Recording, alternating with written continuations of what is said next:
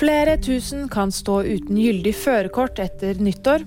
Pentagon avduket topp hemmelig bombefly.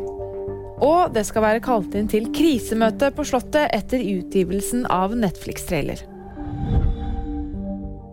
Statens vegvesen etterlyser nærmere 32 000 personer som enda ikke har fornyet sitt store plastlaminerte førerkort. Nye regler tilsier at fra og med 1.1.2023 vil ikke førerkort som er større enn bankkort være gyldig. Som betyr at du ikke har lov til å kjøre om du har et slikt førerkort.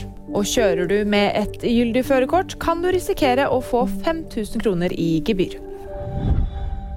USAs nye bombefly B-21 Raider ble avduket i Palmdale i California fredag kveld. USAs stigende bekymring for en konflikt med Kina skal være bakteppet for det topphemmelige prosjektet. Flyet skal etter planen fly for første gang i 2023.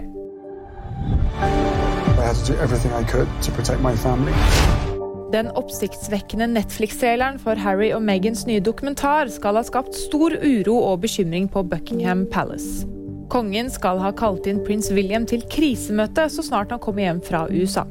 Det skriver den britiske avisen The Mirror. Ifølge avisen skal krisesamtalene handle om hvordan det britiske kongehuset skal svare på beskyldningene som Harry og Meghan legger fram i dokumentaren. Og VG-nyheter fikk du av meg, Fride Rivø.